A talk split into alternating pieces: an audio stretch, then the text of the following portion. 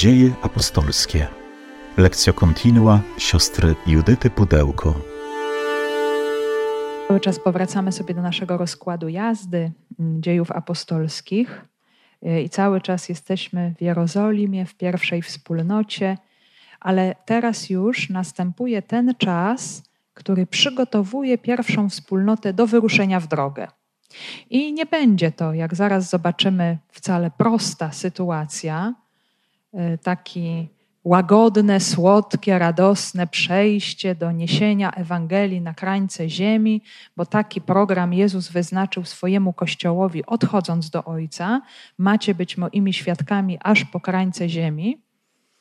Y, I nie wiadomo, jak to sobie wyobrażali apostołowie, jak to nastąpi. Oni już jednak doświadczyli rzeczywistości Paschy Jezusa, już wiedzą, że do tego nowego życia, które przynosi Jezus, przechodzi się przez krzyż. Już to wiedzą i już zaczynają też tego doświadczać, o czym zaraz sobie przypomnimy, patrząc też na kontekst naszego fragmentu. I właśnie tak stanie się i teraz, że ten wielki, potężny pochód Słowa Bożego w kierunku świata pogańskiego, y, już to słowo tak widać nie może wytrzymać, już ten duch działa coraz intensywniej, ale to wszystko będzie się dokonywało w rzeczywistości bardzo trudnej z ludzkiego punktu widzenia. I y, Słowo Boże nam to nieustannie pokazuje, że y, te dzieła Boże, tak bardzo niezwykłe i wielkie, i przekraczające nas i nasze możliwości, one bardzo, bardzo często, o ile nie prawie zawsze, dokonują się w sytuacji po ludzku bardzo trudnej. Mm, całą historię biblijną możemy sobie przepatrzeć. Nie chcę tego robić, bo inaczej nie przejdziemy do tematu, ale możemy sobie wspomnieć całą drogę biblijnego Izraela, czy nawet począwszy od Abrahama, y, jak ta droga jest trudna, jak prowadzi właśnie bardzo często przez ludzkie porażki, niepowodzenia, prześladowania, udręki i właśnie przez to czy pomimo tego, czy właśnie przez taką drogę Pan Bóg dokonuje swoich dzieł niezwykłych, z których największą był krzyż Jego Syna, Jezusa Chrystusa. I dalej, kiedy y, to zbawienie ma być niesione, droga będzie bardzo podobna.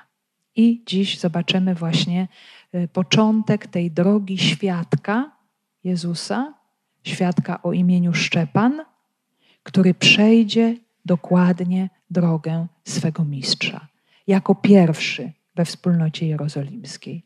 Więc spróbujmy się też przyjrzeć bardziej z bliska, jak to nastąpi. I tak jak zobaczcie, po śmierci Jezusa, po jego zmartwychwstaniu, e, uczniowie zostają posłani, tak samo analogicznie po śmierci Szczepana coś się stanie.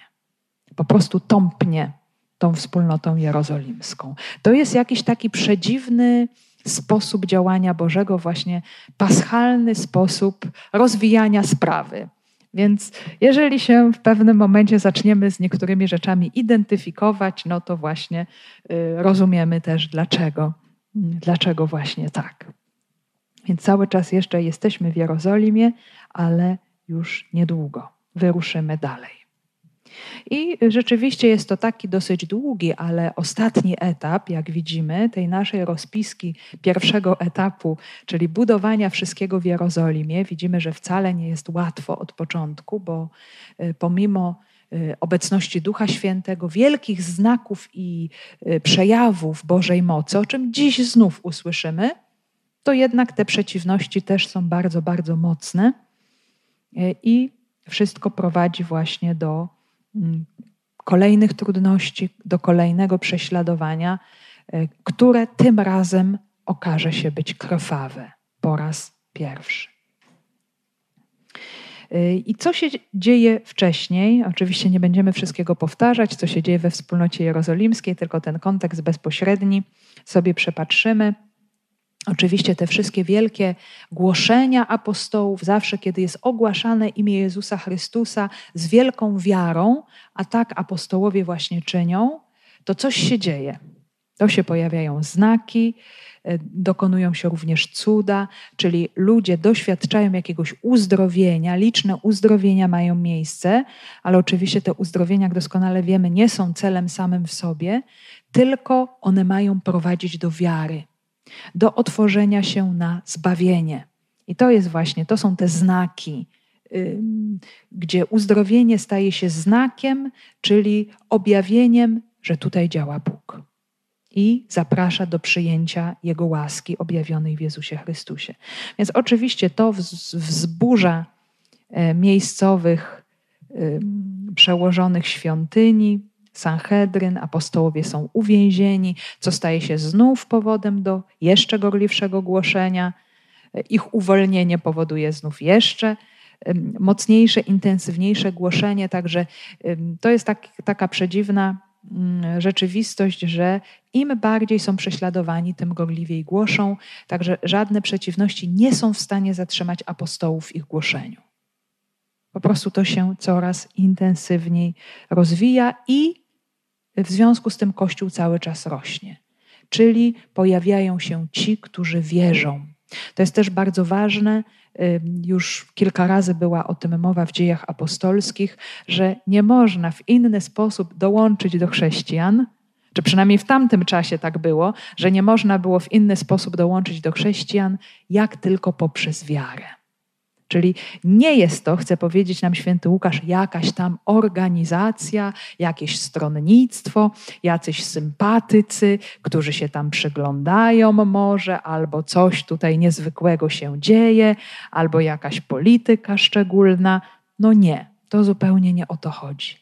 Jest to e, wspólnota zjednoczona w Duchu Świętym i kiedy człowiek dzięki głoszonemu słowu y, doświadczy poruszenia swojego serca, które rodzi w nim wiarę, czyli jakieś wewnętrzne poruszenie i pragnienie odpowiedzi na to, co słyszy, na to słowo, które słyszy, y, czyli ten początek wiary prowadzi ludzi do przyjęcia chrztu, i do wejścia właśnie na określoną drogę też formacji, poznawania tego życia, kształtowania w sobie właśnie tych postaw chrześcijańskich, czyli postaw Chrystusa.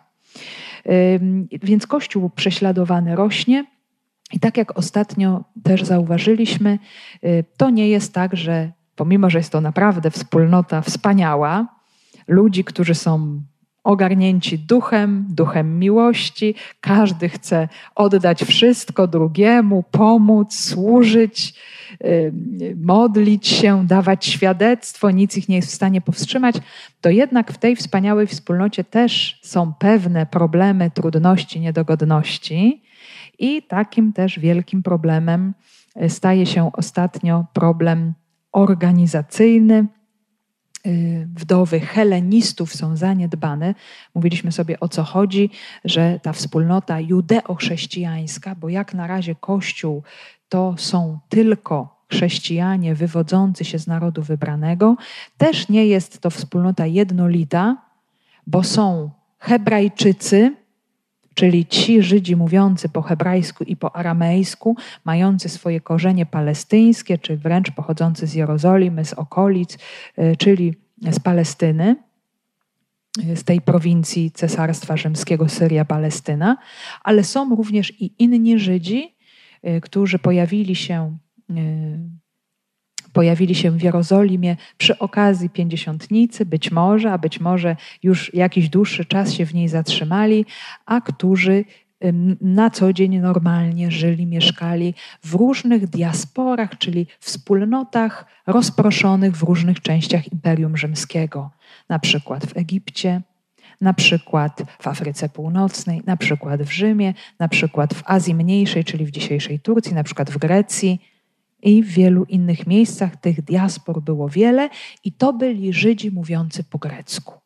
I są oni tutaj nazwani helenistami. Nie chodzi o to, że to są Grecy, to są Żydzi mówiący po grecku, chociaż jak się okazuje, niektórzy z tych Żydów mówiących po grecku to mogą być też prozelici, czyli ci poganie, którzy stali się Żydami, czyli przyjęli judaizm spotykając Żydów właśnie w ich synagogach rozproszonych w różnych częściach imperium. I następuje jakieś napięcie, nieporozumienie, bo oto te wdowy tychże helenistów, czyli Żydówki mówiące po grecku, nie mające męża, przeżywające jakieś ubóstwo, doświadczają jakichś braków w tym rozdzielaniu jałmużny, są niezauważone, pominięte, czy nie dochodzą do głosu, czy są niezrozumiane. W każdym bądź razie dochodzi do pewnych tutaj e, niedociągnięć. To też nam pokazuje, że no, zawsze tak jest, że w kościele coś może tutaj nie do końca z ludzkiego punktu widzenia nam grać. Ale ważne jest to, co czyni wspólnota, co czynią apostołowie. Od razu biorą problem do ręki i, i rozeznają sytuację, co należy zrobić, jak należy odpowiedzieć. No więc musimy postawić kogoś, kto się tym zajmie. Czyli bardzo ważna sprawa, nie wszyscy mogą zajmować się wszystkim w kościele. Stopniowo ten kościół rozwijając się, będzie dojrzewał do Y, tworzenia pewnej struktury, chociaż na razie jest jeszcze daleko do tworzenia tej struktury, ale do pewnego podziału ról we wspólnocie Kościoła. Że sobie będziemy pomagać nawzajem. Mm, oczywiście też tutaj możemy do tego dołączyć całą naukę świętego Pawła o charyzmatach, o różnych darach łaski, czyli również nawet na poziomie duchowym są te różne posługi we wspólnocie Kościoła od początku, ale również na poziomie materialnym. Tutaj wydaje się, że w tej posłudze chodzi przede wszystkim o rozdzielanie jałmużny, ale zaraz się dowiemy, że nie tylko. Że ci wybrani do grupy siedmiu pełnili również inne zadania, że byli oni ludźmi ogromnie otwartymi na działanie ducha i pomimo, że ich głównym zadaniem było obsługiwanie stołów, czyli, czyli troska o to, żeby biedna wdowa XY miała tutaj swoją konkretną porcję Y, i pomoc w różnych innych y, sytuacjach, to też byli ludźmi głębokiego ducha, głębokiej wiary i dawali świadectwo o Jezusie Chrystusie. Y, więc właśnie tego rodzaju reorganizacja się pojawia. Jest ustanowiona grupa siedmiu My mówimy siedmiu diakonów, z tego też względu, że jest tam użyty czasownik diakoneo, diakonein, który znaczy przede wszystkim, oznacza generalnie służbę, ale najczęściej jest to identyfikowane w, ze służbą przy stole, posługiwanie przy stole, troskę o te wszystkie rzeczy związane z pokarmem. Nie jest to, jak sobie powiedzieliśmy, jeszcze taka typowa organizacja, czy byśmy powiedzieli święcenia diakonatu, no jeszcze jest w tym momencie za wcześnie na to, e, bo też zobaczymy, że ci, ci z grupy siedmiu będą też dokonywać innych posług właśnie niezwiązanych z tymże obowiązkiem, natomiast sama posługa diakono, diakonów dopiero będzie widoczna w późniejszych pismach, w drugim liście, w pierwszym liście do Tymoteusza między innymi. Na razie jest jeszcze na to y, za wcześnie. Więc ważne jest to, że na prośbę apostołów wspólnota wybiera tychże siedmiu ludzi, którzy mają, oprócz tego, że mają dobrą opinię, jako ludzie są pełni też Ducha Świętego, y, są pełni wiary, czyli również posiadają te uzdolnienia duchowe, dary duchowe do pełnienia tej posługi i ci wybrani, wskazani przez wspólnotę, dopiero przez dar włożenia rąk apostołów są posyłani do tej misji. To nam od razu pokazuje bardzo wyraźnie, jak od samego początku w Kościele podchodzono do posług. Że to nie jest jakaś czysta nominacja e, nawet świętego Piotra samego, że jest to oczekiwanie na głos wspólnoty. Co powie wspólnota? Oni wskazują, wybieramy tych. To są ludzie według nas y, właściwi, żeby się tym zająć. A same już możemy powiedzieć, moc posłania pochodzi od y, apostołów. I tutaj są wymienione imiona tychże siedmiu. Jak sobie powiedzieliśmy, to są imiona greckie wszystkie imiona greckie, a ostatni z nich, Mikołaj, jest nawet prozelitą z Antiochii, czyli jest poganinem, który przeszedł na judaizm, e, czyli stał się takim Żydem e, z odzysku, czyli na nowo, uwierzył w Boga jedynego i mm, został, stał się godny tego, został wybrany, został wskazany, że ma na tyle wiary Ducha Świętego, tej mocy wewnętrznej i odpowiedzialności, żeby podjąć odpowiedzialną posługę we wspólnocie. Ale wszystko to, o czym sobie mówiliśmy, to nam oczywiście pokazuje, w jaki sposób Kościół się rozwija, i to jest też bardzo ciekawa rzecz, że Kościół się rozwija przede wszystkim napotykając na różne trudności. Albo te wewnętrzne, że trzeba coś tutaj wyprostować, doorganizować, y, bo to się nie układa tak, jak powinno, bo jeszcze żeśmy sobie z pewnych rzeczy nie, poukładali właściwie, albo się rozwija w odniesieniu do tych trudności zewnętrznych, czyli wszelkich prześladowań, i tak będzie cały czas że ten rozwój będzie bardzo mocno związany właśnie z tymi różnymi bodźcami. No oczywiście będą też i bodźce od Ducha Świętego, który będzie działał też i zupełnie bezpośrednio. Już niebawem to zobaczymy, co się zacznie, jak Kościół wyruszy w drogę.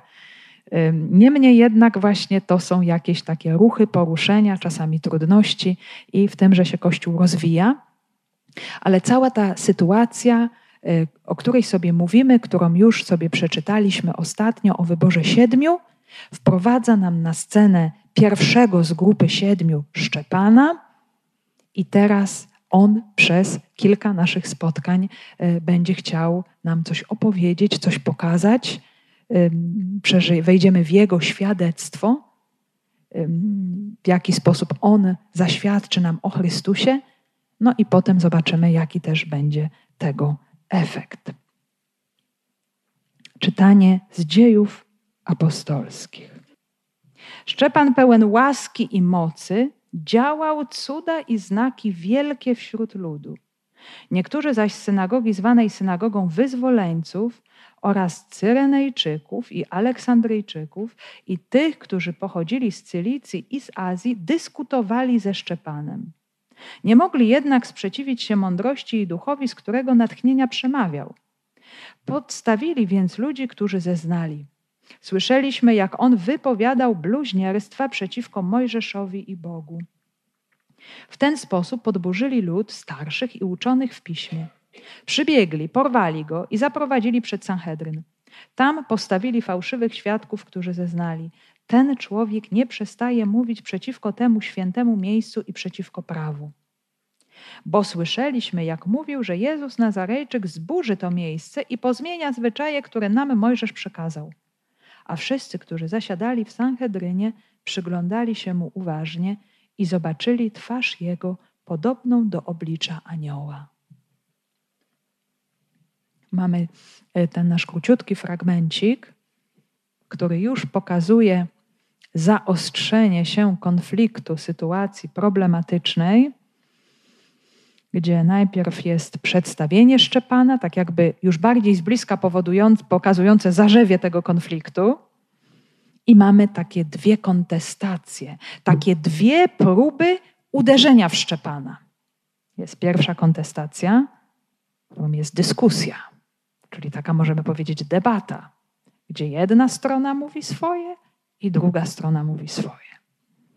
I jest druga kontestacja. Oczywiście ta pierwsza no, nie dała rady nic tutaj mm, obalić w mowie Szczepana.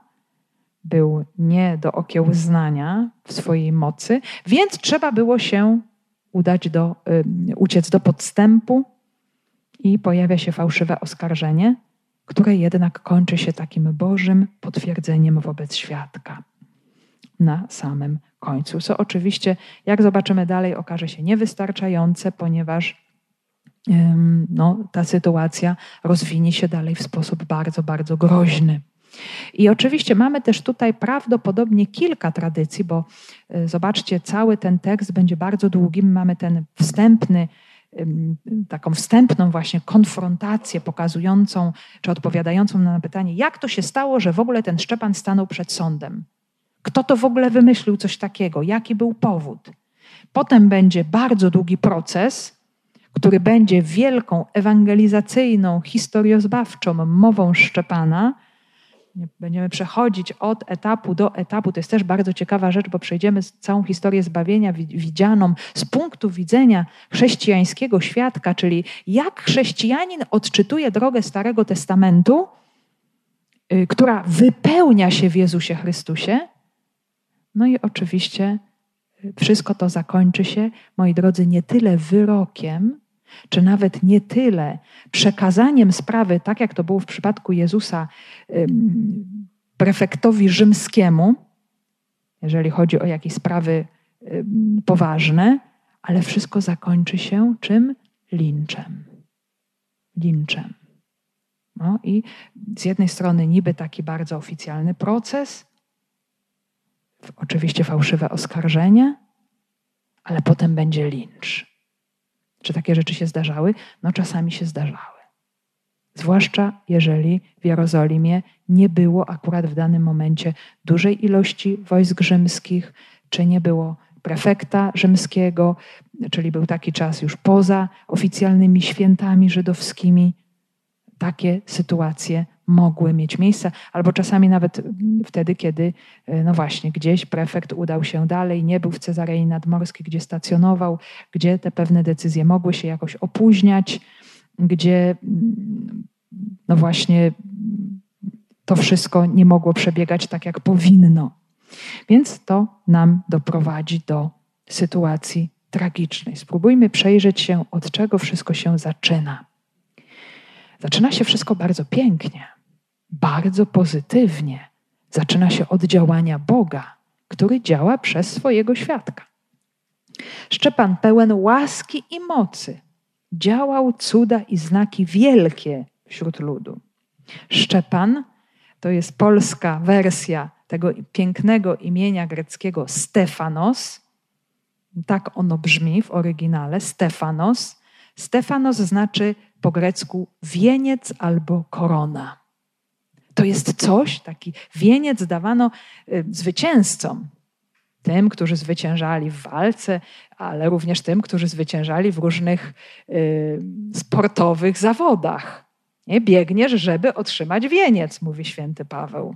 Więc jest to, możemy powiedzieć, takie imię, które staje się niejako przeznaczeniem, bo y, niebawem Szczepan właśnie otrzyma ten wieniec zwycięstwa, niezwykłego zwycięstwa świadka, czyli męczennika.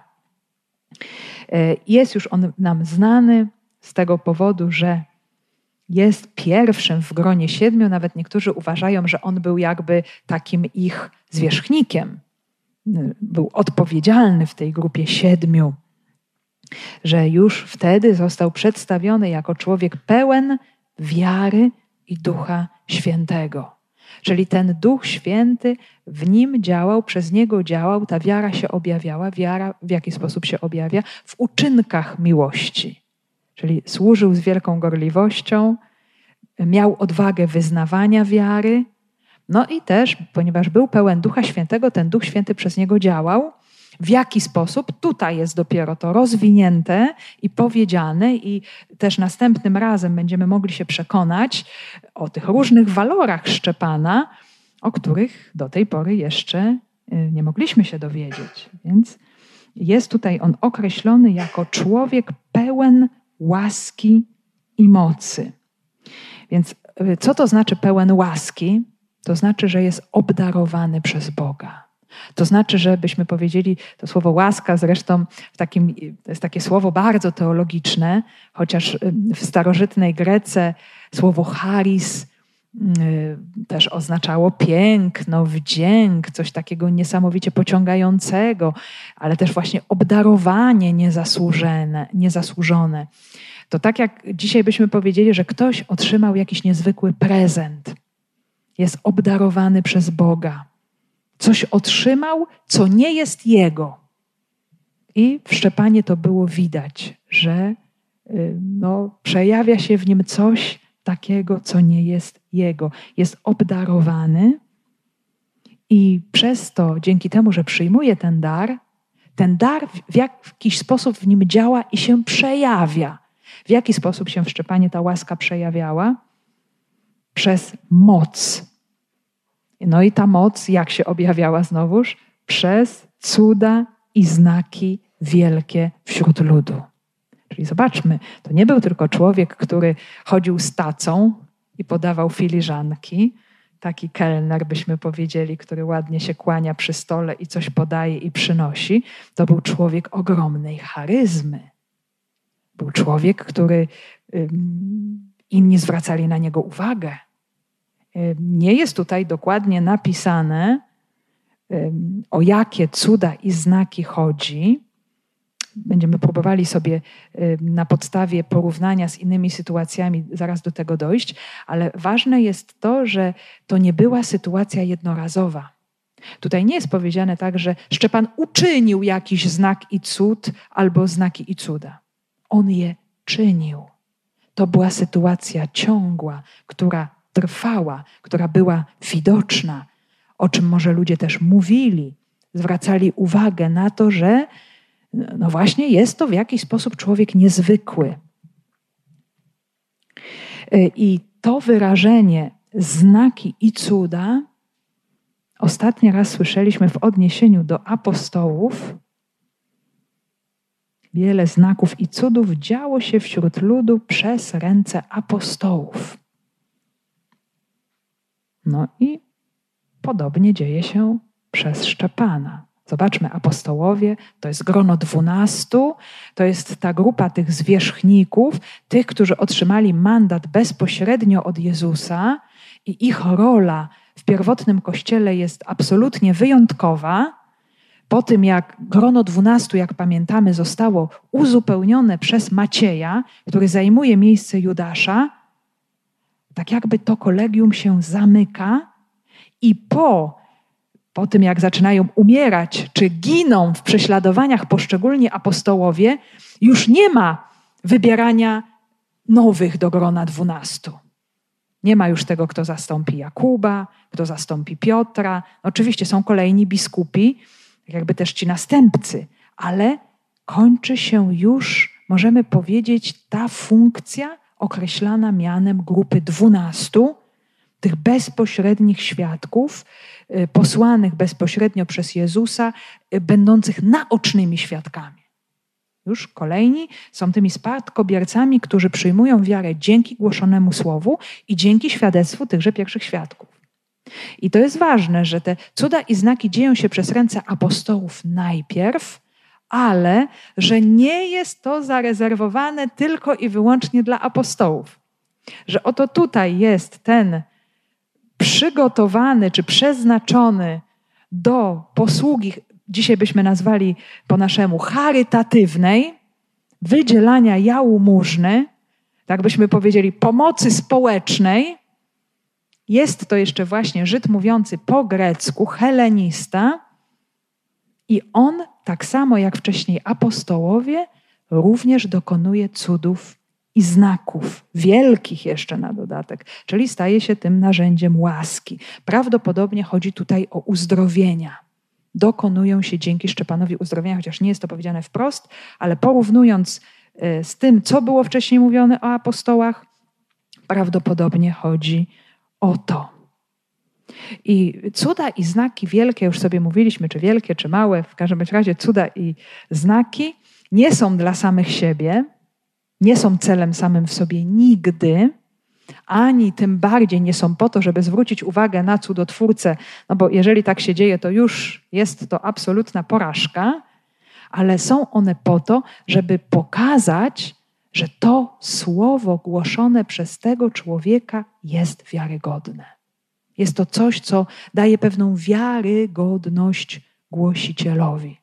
Oczywiście Pan Bóg może też tę wiarygodność potwierdzać w inny sposób, bo nie wszyscy mają te same dary, jak powie święty Paweł.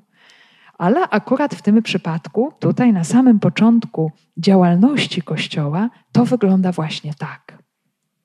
Czyli Szczepan staje się takim wiarygodnym świadkiem, który chce nie tylko obsługiwać stoły, ale chce zapraszać do wiary innych ludzi. No i niestety zaraz się okaże, że to jest bardzo duży problem.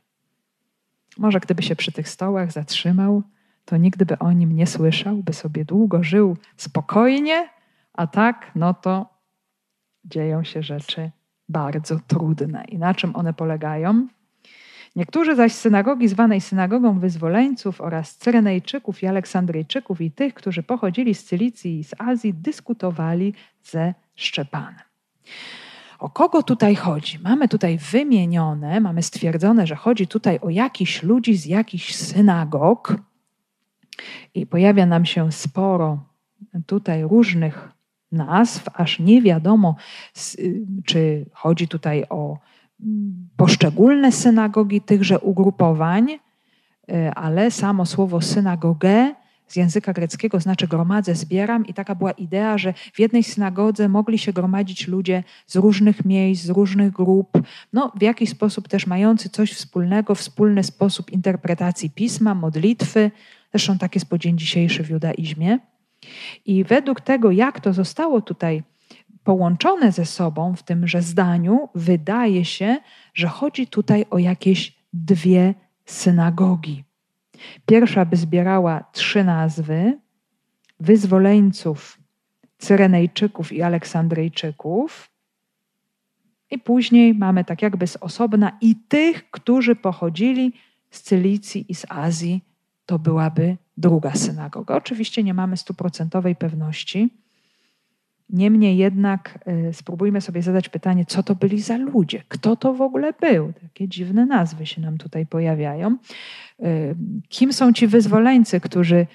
Mm, co to za nazwa? Y, oczywiście wyzwoleniec nawiązuje nam do niewolnika.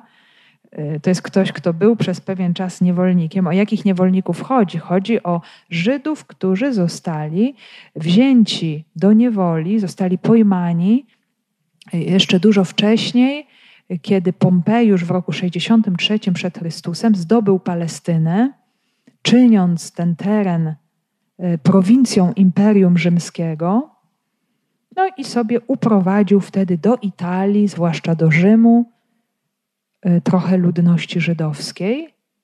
I oczywiście potomkowie, nie wiemy na jakim etapie do tego wyzwolenia doszło, ale potomkowie tychże zniewolonych Żydów być może dostąpili właśnie wyzwolenia, stali się wyzwoleńcami, czyli przez swoich właścicieli zostali obdarzeni wolnością. I bardzo widać, że to mocno do nich przylgnęło, ta właśnie nazwa wyzwoleńcy. Dalej jest mowa o Żydach z Cyreny, Cyrenejczycy to są Żydzi z Cyreny, od razu nam się to kojarzy z taką jedną postacią, a mianowicie z Szymonem z Cyreny. To też y, jest jak najbardziej zasadne. Zobaczcie, ten Szymon z Cyreny, on jest również w Jerozolimie y, podczas procesu, podczas egzekucji Jezusa. Ponieważ w Cyrenie, Cyrena to dzisiejsza Libia, północna Afryka, była również duża diaspora y, Żydów. Także byli Żydzi z Cyreny i Żydzi z Aleksandrii. No to już od wielu wieków potężna diaspora Żydów aleksandryjskich. W Egipcie Żydów było bardzo wielu. Więc kolejni Żydzi z Aleksandrii w Egipcie. Potem nam się pojawiają, bo tutaj mamy miasta, Cyrena, Aleksandria. Potem się pojawiają nam prowincje. Cylicja to jest południowa Turcja, której stolicą był Tars, z którego pochodził Szaweł. To był kolejny prężny ośrodek wspólnoty żydowskiej. I Azja, też y, ta prowincja znajdowała się na terenach dzisiejszej Turcji. Zresztą w ogóle zasadniczo y, dzisiejszą Turcję nazywano w starożytności Azją Mniejszą. I stolicą tejże Azji był Efes czyli jest to zachodnia część dzisiejszej Turcji. Efes był najbogatszym ówczesnym miastem właśnie tejże Azji, Azji Mniejszej. Więc generalnie podczas tych czasów Rzymianie uczynili z całej tej Azji Mniejszej miejsce niesamowicie bogate. Tam żyli ludzie bardzo bogaci, no i również też te wspólnoty żydowskie były w miarę bogate i też, jak pamiętamy, pomagały innym uboższym. Więc to chodzi tutaj właśnie o takich Żydów schelenizowanych, mówiących po grecku, ale jednocześnie wierzących w Boga jedynego, e, czytających Torę i pisma w języku greckim, czyli używających Septuagintę i próbujących budować swoją żydowską tożsamość w diasporze. I wiemy też ze świadectw i pisemnych, i archeologicznych, że właśnie ci Żydzi z rozproszenia posiadali swoje synagogi w Jerozolimie. Czyli jeżeli w tej Jerozolimie przebywali, mieli również swoje, y, swoje miejsca spotkań. I co jest tutaj ważne? Bo dlaczego święty Łukasz tak nam to skrupulatnie wymienia i wypisuje i tacy, i tacy. Dla nas to może być dosyć kłopotliwe, bo musimy się zastanawiać, o kogo tutaj w ogóle chodziło, czy to nie wszystko jedno. Właśnie nie wszystko jedno. Bo to są Żydzi tego rodzaju, tego samego rodzaju co Szczepan. Schelenizowani, mówiący po grecku. Y, czyli tacy, właśnie na czym polegała ta różnica? Bo zobaczcie, ci Żydzi mieszkający w Palestynie, Czyli tak jak wszyscy apostołowie, jak też Jezus, mówili po aramejsku, znali hebrajski, oni byli w pewnym sensie zanurzeni w tej semickiej kulturze, mogli trochę znać ten świat grecko-rzymski, ale niekoniecznie. Jeżeli ktoś pochodził z Judei, może jeszcze Galilejczycy bardziej, ale jeżeli ktoś pochodził z Judei, to już znał ten świat obcy, pogański o wiele mniej. Natomiast tutaj mamy do czynienia z Żydami, którzy mówili po grecku, znali grekę, więc byli w stanie też poznać wiele innych dzieł filozofów, poetów, artystów, byli obeznani, znali świat pogański, znali religijność pogańską, ich politeizm, ich bałwochwalstwo. Może swoim monoteizmem też zachęcali ludzi myślących do otwierania się naprawdę o Bogu jedynym. Czyli byli to ludzie o tak moglibyśmy przypuszczać, o szerszych horyzontach, pokazujących, że ci ludzie jednak są bardzo zróżnicowani, są inni, są różni, żyją w różnych okolicznościach, mają różne wykształcenie, pochodzenie, kulturę, religijność. I ważne jest to, że to było coś wspólnego, łączącego Szczepana i tych ludzi. Właśnie ten styk ze światem pogańskim. To poznanie kultury grecko-rzymskiej. To, że właśnie oni byli stamtąd, że mówili tym językiem. I dlatego właśnie, że Szczepan ma takie umiejętności, tak możemy powiedzieć, staje się ewangelizatorem tychże właśnie Żydów. Czyli on zaczyna rozmawiać, dyskutować możemy powiedzieć ze swoimi. Mniej lub bardziej możemy to doprecyzowywać. Jedni dalsi, drudzy bliżsi, czy z tego, czy z tamtego okręgu, ale chodzi właśnie o y, tutaj o tych Żydów y, schelenizowanych, więc Szczepan zaczyna ewangelizować własne środowisko. I to będzie bardzo ważna, moi drodzy, sprawa w dziejach apostolskich i w Kościele, bo to się potem będzie przekładało na całą działalność misyjną kogo? Szawła Starsu. Tego, który będzie uczestniczył w egzekucji Szczepana, żeby było ciekawie, bo to jest ten Żyd, który pochodzi z Cylicji. No więc zobaczcie, jak to jest wszystko powiązane. I znając tenże pogański świat, ty możesz do niego iść, bo go znasz. I w tymże przygotowaniu Zobaczcie, jak Duch Święty działa. Tym pierwszym ogniwem łańcucha jest szczepan. Oczywiście ten, to ogniwo będzie zmiażdżone, nie, to ziarno zostanie zasiane, ale nie jest to przypadkiem, że on, że wszystko zaczyna się właśnie od ewangelizacji tychże Żydów schelenizowanych z tychże właśnie synagog. E, także zaczęli z nim dyskutować, dyskutowali ze Szczepanem. Co to oznacza, że oni rozmawiali, e, argumentowali, e, że jest to pewna potyczka słowna, coś, co się zdarzało bardzo często. Pamiętamy, jak Jezus rozmawiał z uczonymi w piśmie, saduceuszami, faryzeuszami, z takim nauczycielem, z innym nauczycielem. To było coś jak najbardziej powszechnego.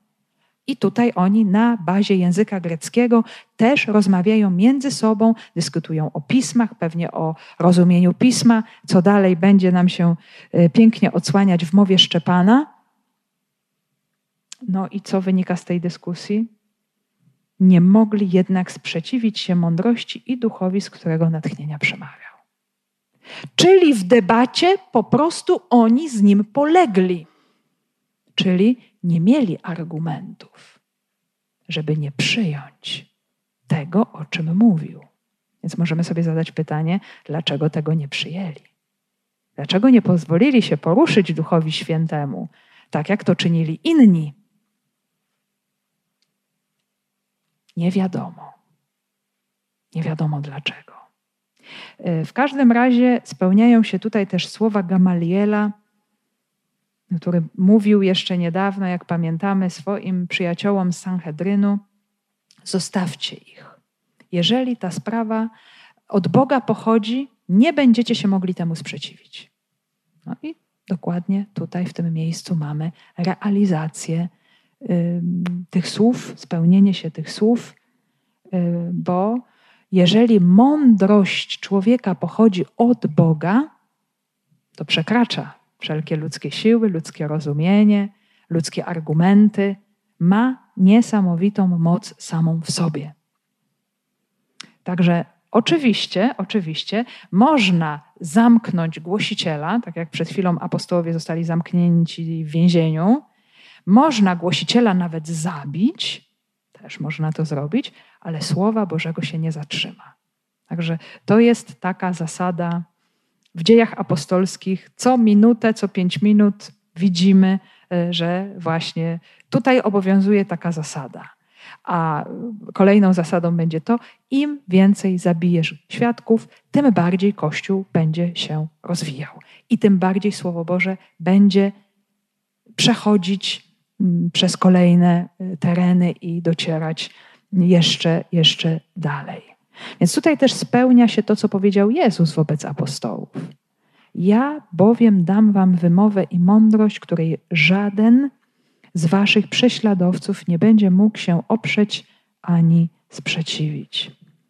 No i tak to tutaj wygląda. Bardzo dobrze.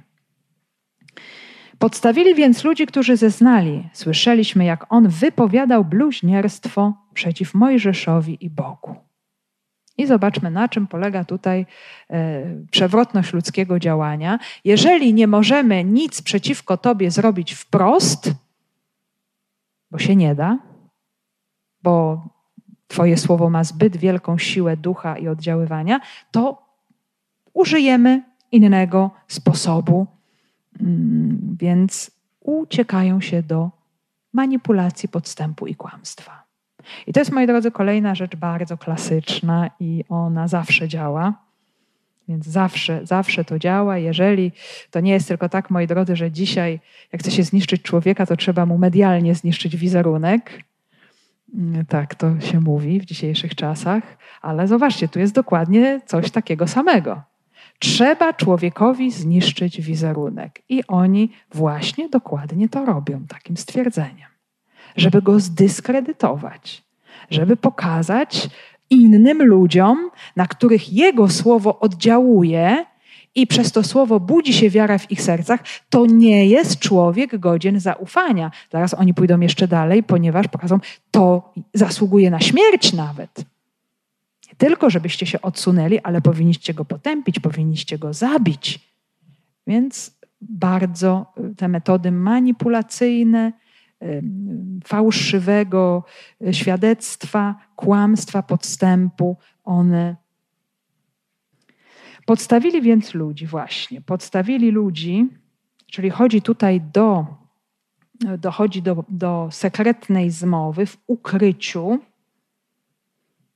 podstawienie fałszywego świadka. Zobaczcie, to, to dotyczy normy dekalogu. Nie mów fałszywego świadectwa przeciw bliźniemu swemu. Dlaczego to prawo zostało skodyfikowane już w tak dawnych czasach za Mojżesza? Dlaczego? Ponieważ te fałszywe świadectwa były, były składane. I wiele tekstów, zwłaszcza w księgach prorockich, jest takich bardzo mocno oskarżających, że dochodzi do tych fałszywych zeznań, zwłaszcza przeciwko ludziom słabszym, ubogim, y, że ci wpływowi y, wynajdują różne sposoby manipulacji, żeby dojść do swego, że nie ma tego szukania prawdy. Więc jest to jakaś rzeczywistość, która y, właśnie już przez długie, długie wieki miała miejsce. I tutaj zarzut jest bardzo ciężki. To jest bardzo mocna armata, wytoczone dzieło, bar, działo bardzo mocne. Bluźnierstwo przeciw Mojżeszowi, no to nie znaczy, że ktoś powiedział coś, ach, nie lubię Mojżesza, czyli takie ad personam. Nie, nie chodzi tutaj o to, ponieważ bluźnierstwo przeciw Mojżeszowi oznacza bluźnierstwo przeciw prawu, które Mojżesz nadał. Tu o taką rzecz chodzi, czyli to jest człowiek, który odrzuca prawo, podstawę naszej tożsamości. No i kolejny zarzut to już w ogóle przekracza wszelkie granice bluźnierstwo przeciw Bogu. A to się wiąże ze śmiercią, y, z ukamienowaniem właśnie za coś takiego. I oczywiście, jak możemy się domyśleć, jest to y, odbicie doświadczenia Jezusa który również z tego względu, że nikt nie mógł mu sprostać w mowie, jak sobie przejrzymy całą działalność Jezusa w Jerozolimie tuż przed męką, to właśnie dokładnie się tak dzieje, że on debatuje z oponentami jednymi, drugimi, trzecimi i wszystkim zamyka usta. No i co się dzieje? No trzeba go zniszczyć w inny sposób, trzeba go wyeliminować. On nie może tutaj mieć coraz większego wpływu na ludzi, ale taka sytuacja też pojawia się już w Starym Testamencie. Jak pamiętamy pierwszą księgę królewską, to, są, to jest IX wiek, czasy proroka Eliasza. Y, panuje król bardzo bezbożny, król Ahab, ma fenicką y, żonę królowę Jezebel y, i chcą oni odzyskać, uzyskać winnicę Nabota. Nabot nie chce tej winnicy sprzedać królowi, więc oczywiście, żeby uzyskać to, co się chce, podstawiają fałszywych świadków, którzy mówią, że bluźnił on Bogu i królowi i w wyniku czego Nabot ginie. Y, więc no, takie kazusy bardzo często się y, zdarzały wcześniej, ale tutaj oczywiście sytuacja Szczepana wyraźnie nawiązuje do sytuacji Jezusa.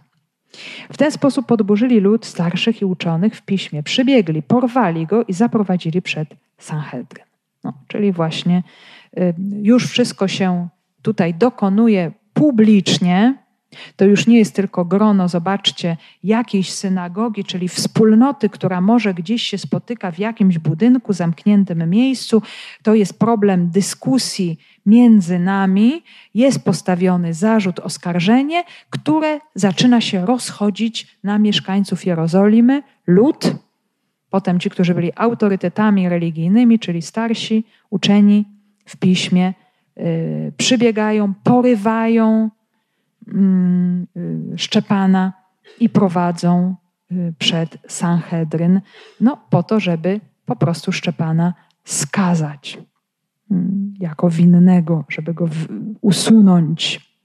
Także y, zobaczcie, najpierw te słowa przemocy ponieważ fałszywe oskarżenie to jest przemoc, kłamstwo przeciw drugiemu jest przemocą słowną, przemoc słów prowadzi stopniowo do przemocy czynów. To jest zawsze, moi drodzy, taka droga. Znaczy, jeszcze wcześniej ta przemoc się rodzi w głowie, w myślach, objawia się w słowach i potem przechodzi do czynów. Czyli dalej wciągają też w to wszystko innych, też autorytety religijne, uczonych, mm, starszych, którzy już uczestniczyli w sporach przeciwko dwunastu. Czyli już widzieli, że z tą grupą jest tutaj jakiś zasadniczy problem. Tam postawili fałszywych świadków, którzy zeznali. Ten człowiek nie przestaje mówić przeciwko temu świętemu miejscu i przeciwko prawu. E, też, moi drodzy, tutaj może się nam zrodzić pytanie, bo to nie było tak, że ten Sanhedryn, on e, był takim sądem 24-godzinnym, który był zgromadzony na jakimś miejscu i tak czekał tylko, aż ktoś przyjdzie. No może tak nie było że członkowie Sanhedrynu mieli określone pory, momenty obradowania, zbierania się i gromadzenia, kiedy też przyszła taka potrzeba. Więc może tu się nam zrodzić pytanie, jak to jest możliwe, że tutaj y, podgrzewa się sytuacja, oni tego Szczepana po prostu chwytają i go wloką do miejsca zgromadzenia Sanhedrynu, skąd oni mogli mieć pewność, że oni tam będą. Nie mogli mieć żadnej pewności. I w rzeczywistości mogło to wyglądać e, troszeczkę wolniej. Czyli, że oni go schwycili, czyli, że oni przygotowali sytuację też e, już jakoś w sposób bardziej szczegółowy gromadzenia tychże e, członków zarządu, czyli Sanhedrynu, i dopiero wtedy w to wprowadzili też Szczepana. Natomiast jest to opisane jako jeden ciąg zdarzeń, że to nastąpiło bardzo, bardzo szybko. E, I tutaj te oskarżenia zostają e, fałszywie niejako doprecyzowane. W jaki sposób? E, jest to mowa przeciw świątyni i przeciw, także miejsce święte to jest świątynia i przeciwko prawu. I są to dwa zarzuty, które uderzają w sedno ówczesnego judaizmu, które się opierało na tych dwóch filarach: przestrzeganie prawa i kult świątynny. Czyli, tak można powiedzieć, ten człowiek jest, sprzeciwia się naszej wierze, jest bluźniercą, y, należy go ukarać, należy wykluczyć go z ludu, bo też uderzenie w świątynię jest uderzeniem samego Boga. Y, I podobnie też było w przypadku Jezusa. Tutaj mamy nawet wręcz to odniesienie do Jezusa, bo słyszeliśmy, jak mówił, że Jezus Nazarejczyk zburzy to miejsce i pozmienia zwyczaje, które nam Mojżesz przekazał. I mamy tutaj w Ewangelii Marka bardzo wyraźne odniesienie do mm, tego. Tymczasem arcykapłani, cały Sanhedryn szukali świadectwa przeciw Jezusowi, aby go zgładzić, lecz nie znaleźli. Wielu wprawdzie zeznawało fałszywie przeciw niemu, ale świadectwa te nie były zgodne a niektórzy wystąpili i zeznali fałszywie przeciw niemu. Myśmy słyszeli, jak on mówił: Ja zburzę ten przybytek uczyniony ludzką ręką i w ciągu trzech dni zbuduję inny, nie ręką ludzką uczyniony. Lecz i tu ich świadectwo nie było zgodne. Y, odniesienie do tych słów przypisanych Jezusowi, y, jak pamiętamy w Ewangeliach synoptycznych, to był jeden z motywów z y, wydania Jezusa pod sąd. Oczywiście to się wiązało też z tym, jak pamiętamy, że Jezus dokonał tego gestu prorockiego oczyszczenia świątyni.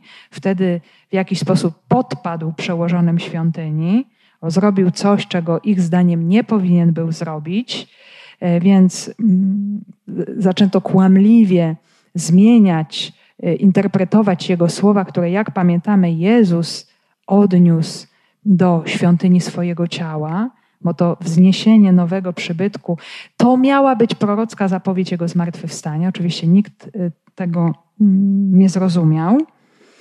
Y, I jest tutaj y, tylko mowa o zniszczeniu świątyni. Nie ma w ogóle mowy o odbudowie tej świątyni. Czyli zobaczmy, z tym kłamstwem to jest tak, że najpierw się coś przekręci trochę, a potem już się przekręci coś jeszcze bardziej.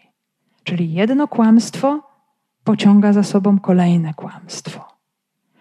I kolejna, kolejny zarzut to jest pozmienianie zwyczajów, które Mojżesz nam przekazał. To jest też bardzo ciekawa rzecz.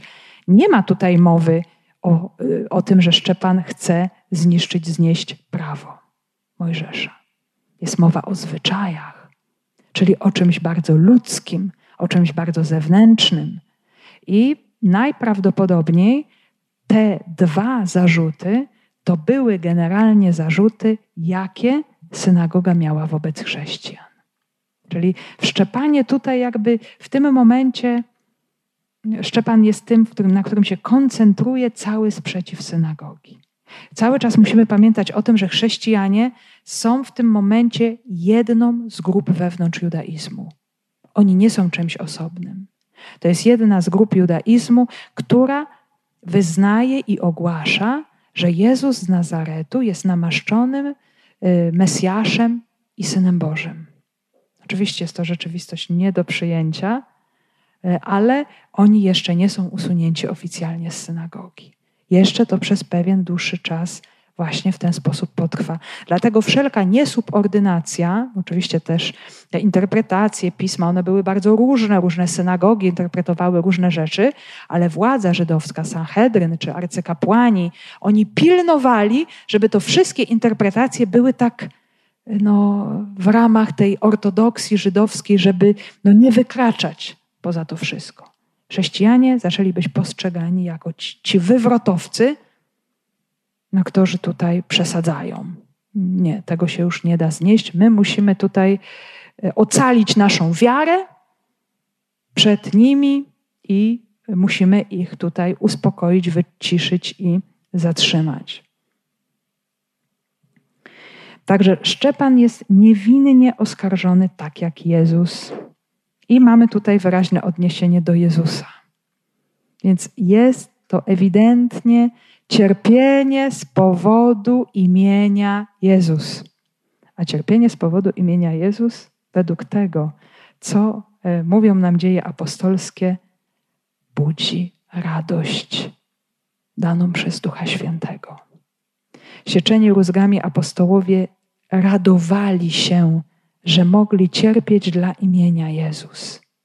A zatem Szczepan jeszcze bardziej doświadcza w sobie mocy ducha, e, która też się nam za chwilę tutaj objawi w pełnym blasku, w płomiennym słowie Jego mowy. Więc y, to prześladowanie, to oskarżenie, to cierpienie, chociaż widzimy, on się nie broni, on będzie głosił słowo, bo jest, taka jest tutaj kolejność i rzeczywistość y, w kościele, tym pierwotnym, że im bardziej są apostołowie prześladowani, tym bardziej głoszą słowo. I jeszcze y, oskarżani ewangelizują swoich oskarżycieli. To jest, to jest ten sposób y, działania. Ale jest to właśnie uderzenie bardzo mocne, które ma pokazać, ty jesteś bluźniercą, ty jesteś heretykiem, ty jesteś odstępcą. Więc jest to y, no, rzecz bardzo bolesna, bo jest dokładnie odwrotnie. To jest człowiek pełen ducha Bożego, działa znaki i cuda w imię Boga, mocą Boga. Zobaczcie, jaki paradoks, że jest oskarżony o coś dokładnie przeciwnego. Jesteś bluźniercą, nie czcisz Boga, obrażasz Boga swoim działaniem. Więc no, jest to rzeczywiście taka ogromna próba wiary w tym momencie y, i też będziemy za chwilę oglądać, no, za dłuższą chwilę, jaka będzie odpowiedź Szczepana na to wszystko. Ale zanim pojawi się odpowiedź Szczepana, odpowiada Bóg. A wszyscy, którzy zasiadali w Sanhedrynie, przyglądali się mu uważnie i zobaczyli twarz jego podobną do oblicza anioła. Także pierwszy ten atak na Szczepana, ta dyskusja słowna, zakończyła się niepowodzeniem dyskutantów, oponentów, ponieważ nie mogli się oprzeć tej mądrości ducha, w której przemawiał. Drugi atak jest podstępny. I zobaczcie, Szczepan się nie broni. Nie wypowiada w tym momencie żadnego słowa na swoją obronę. I co się dzieje? Odpowiada Bóg na to wszystko. W jaki sposób odpowiada Bóg?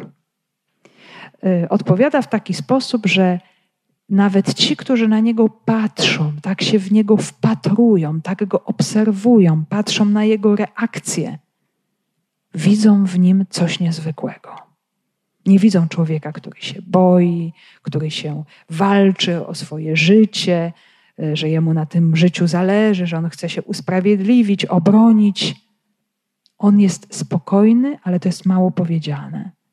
Przez jego twarz przebija coś takiego, czego oni nie potrafią inaczej opisać, wyrazić, jak tylko jakiś nieziemski blask, jako oblicze anioła. No, nam jest trudno powiedzieć, jakie oblicze ma anioł, bo anioł zasadniczo jest duchem i y, tego oblicza ludzkiego nie posiada.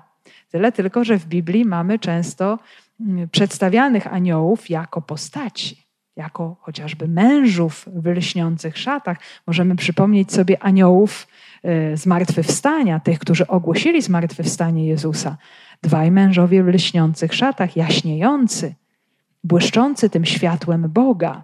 Więc chodzi tutaj właśnie o coś bardzo podobnego, że ten człowiek, który jest pełen Ducha Świętego, który jest wypełniony Bogiem, Bóg go nie opuszcza w tym momencie i oni mogą to zobaczyć. Zobaczcie, to tak jest, że nawet może być tak, że człowiek wypowiada słowa pełne Ducha Świętego. Nawet może jaśnieć światłem Boga. I to może być dla wielu ludzi nieprzekonywujące. Można tak mocno zatwardzić swoje serce, tak bardzo je zamknąć na działanie Ducha Świętego, że nawet niezwykłe przejawy Bożego działania i Bożej mocy mogą okazać się nieskuteczne wobec zatwardziałości ludzkiego serca. Oczywiście to jest też tak, że Pan Bóg będzie działał i dla nas, y, już znających tę historię, jest niesamowicie pocieszającym fakt, y, jak, jak myślimy o tym, że w tej grupie, która tutaj jest, jest Szaweł Starsu. Bierzmy to pod uwagę, jak, jak o tym mówimy, jak o tym rozmawiamy, jak mówimy o tych ludziach, o tym, co się dzieje ze Szczepanem, co on mówi, on będzie głosił Słowo Boże, tak, ukochany przez Szawła. On w tym momencie nie będzie w stanie go zrozumieć, się na niego otworzyć. Ale zobaczcie, Bóg nie wycofuje się z obietnicy, z tego sposobu dojścia do człowieka. I akurat Szaweł będzie tego bardzo dobrym przykładem. Więc jest to bardzo dziwna, tajemnicza, trudna sytuacja, gdzie niegodziwość ludzka, zatwardziałość ludzka objawi się tutaj w takim właśnie ekstremalnym wymiarze zła, niegodziwości, manipulacji, która, kłamstwa, które doprowadzi do zabójstwa, to nam pokazuje też taką y, rzeczywistość, że grzech jeden pociąga za sobą drugi i to jeszcze większy, jeszcze większy, jeszcze większy y, i w końcu to dobrowolne oddanie życia Szczepana, ta krew, którą niebawem przeleje, ale y, głosząc też to mocno słowo prawdy, stanie się tym życiodajnym źródłem nawrócenia dla wielu. Nie wiemy, jak było z innymi, nie wiemy, czy wszyscy z tej synagogi stali się chrześcijanami, czy też nie, po tym świadectwie Szczepana, ale wiemy na pewno, że stał się nim jeden z nich. I to ten bardzo zacięty, ten bardzo prześladujący. Więc jest to dla nas jakaś przedziwna, tajemnicza lekcja pokazująca to Boże działanie, e, przechodzące przez rzeczywistość, no taką, jaką przeszedł Jezus. I to jest właśnie droga świadka. I dlatego, że mamy tu do czynienia z pierwszym krwawym świadectwem, jest ono opisane w sposób bardzo długi, po to, żebyśmy mogli to bardzo powoli, spokojnie przeżyć, przemyśleć, przemodlić i spróbować też zobaczyć y, coś podobnego w naszym życiu. Więc już tak podsumowując, bo tu się zatrzymujemy y, w tym momencie, Łukasz nam pokazuje, że ten konflikt synagoga, chrześcijanie powiększa się, narasta się, y, narasta. Pomimo, że doszło do zwolnienia apostołów, no to nie znaczy, że problem się rozwiązał. Teraz ten problem zaczyna y, narastać na sile od strony synagogi helenistycznej, greckojęzycznej. I te oskarżenia oczywiście dotyczą wszelkich oskarżeń rzucanych w kierunku chrześcijan, a Szczepan doświadczy drogi mistrza, przejdzie drogę Jezusa. Tutaj mamy, y, to już tak y, słowami wprowadzenia powiem, mamy taki zabieg Łukasza Świętego, który y, lubi zestawiać postacie. Y, mamy tą ścisłą łączność pomiędzy Ewangelią i dziejami. Y, w dziejach, w Ewangelii też lubił niektóre postacie zestawiać, tak jak pamiętamy, Jezus i Jan Chrzciciel między innymi, to było to słynne synkrizis, czyli zestawienie, porównanie dwóch postaci. Tak teraz będziemy mieć takie zestawienie pomiędzy Szczepanem i Jezusem. To, co przeżyje Szczepan, będzie odzwierciedlało koniec życia Jezusa i to jest właśnie doświadczenie świadka, męczennika. Natomiast y, cała ta his historia, sytuacja wprowadzi nam na scenę y, bardzo kluczową postać dla dziejów apostolskich, bo od pewnego momentu cała uwaga w dziejach apostolskich nam się skoncentruje na Szawle, czyli późniejszym Pawle Starsu. I on będzie grał tutaj pierwsze skrzypce z Duchem Świętym, oczywiście. Więc y, zobaczcie, jak bardzo stopniowo, powoli y, Łukasz chce wprowadzić na scenę w bardzo trudny, dramatyczny sposób tego wspaniałego bohatera, y, który dokona wielkie dzieło ewangelizacji pogan.